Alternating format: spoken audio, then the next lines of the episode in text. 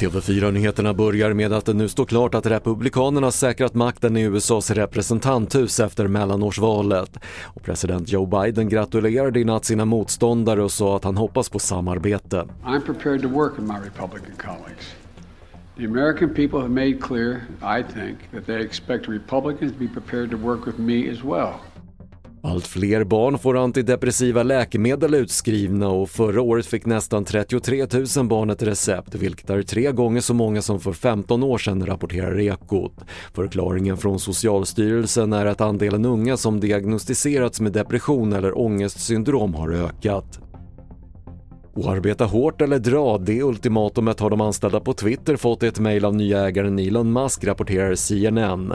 Bara exceptionella insatser gäller på det han kallar nya Twitter och de som inte går med på villkoren får lämna företaget med tre månaders avgångsvederlag. Fler nyheter hittar du på TV4.se. Jag heter Patrik Lindström.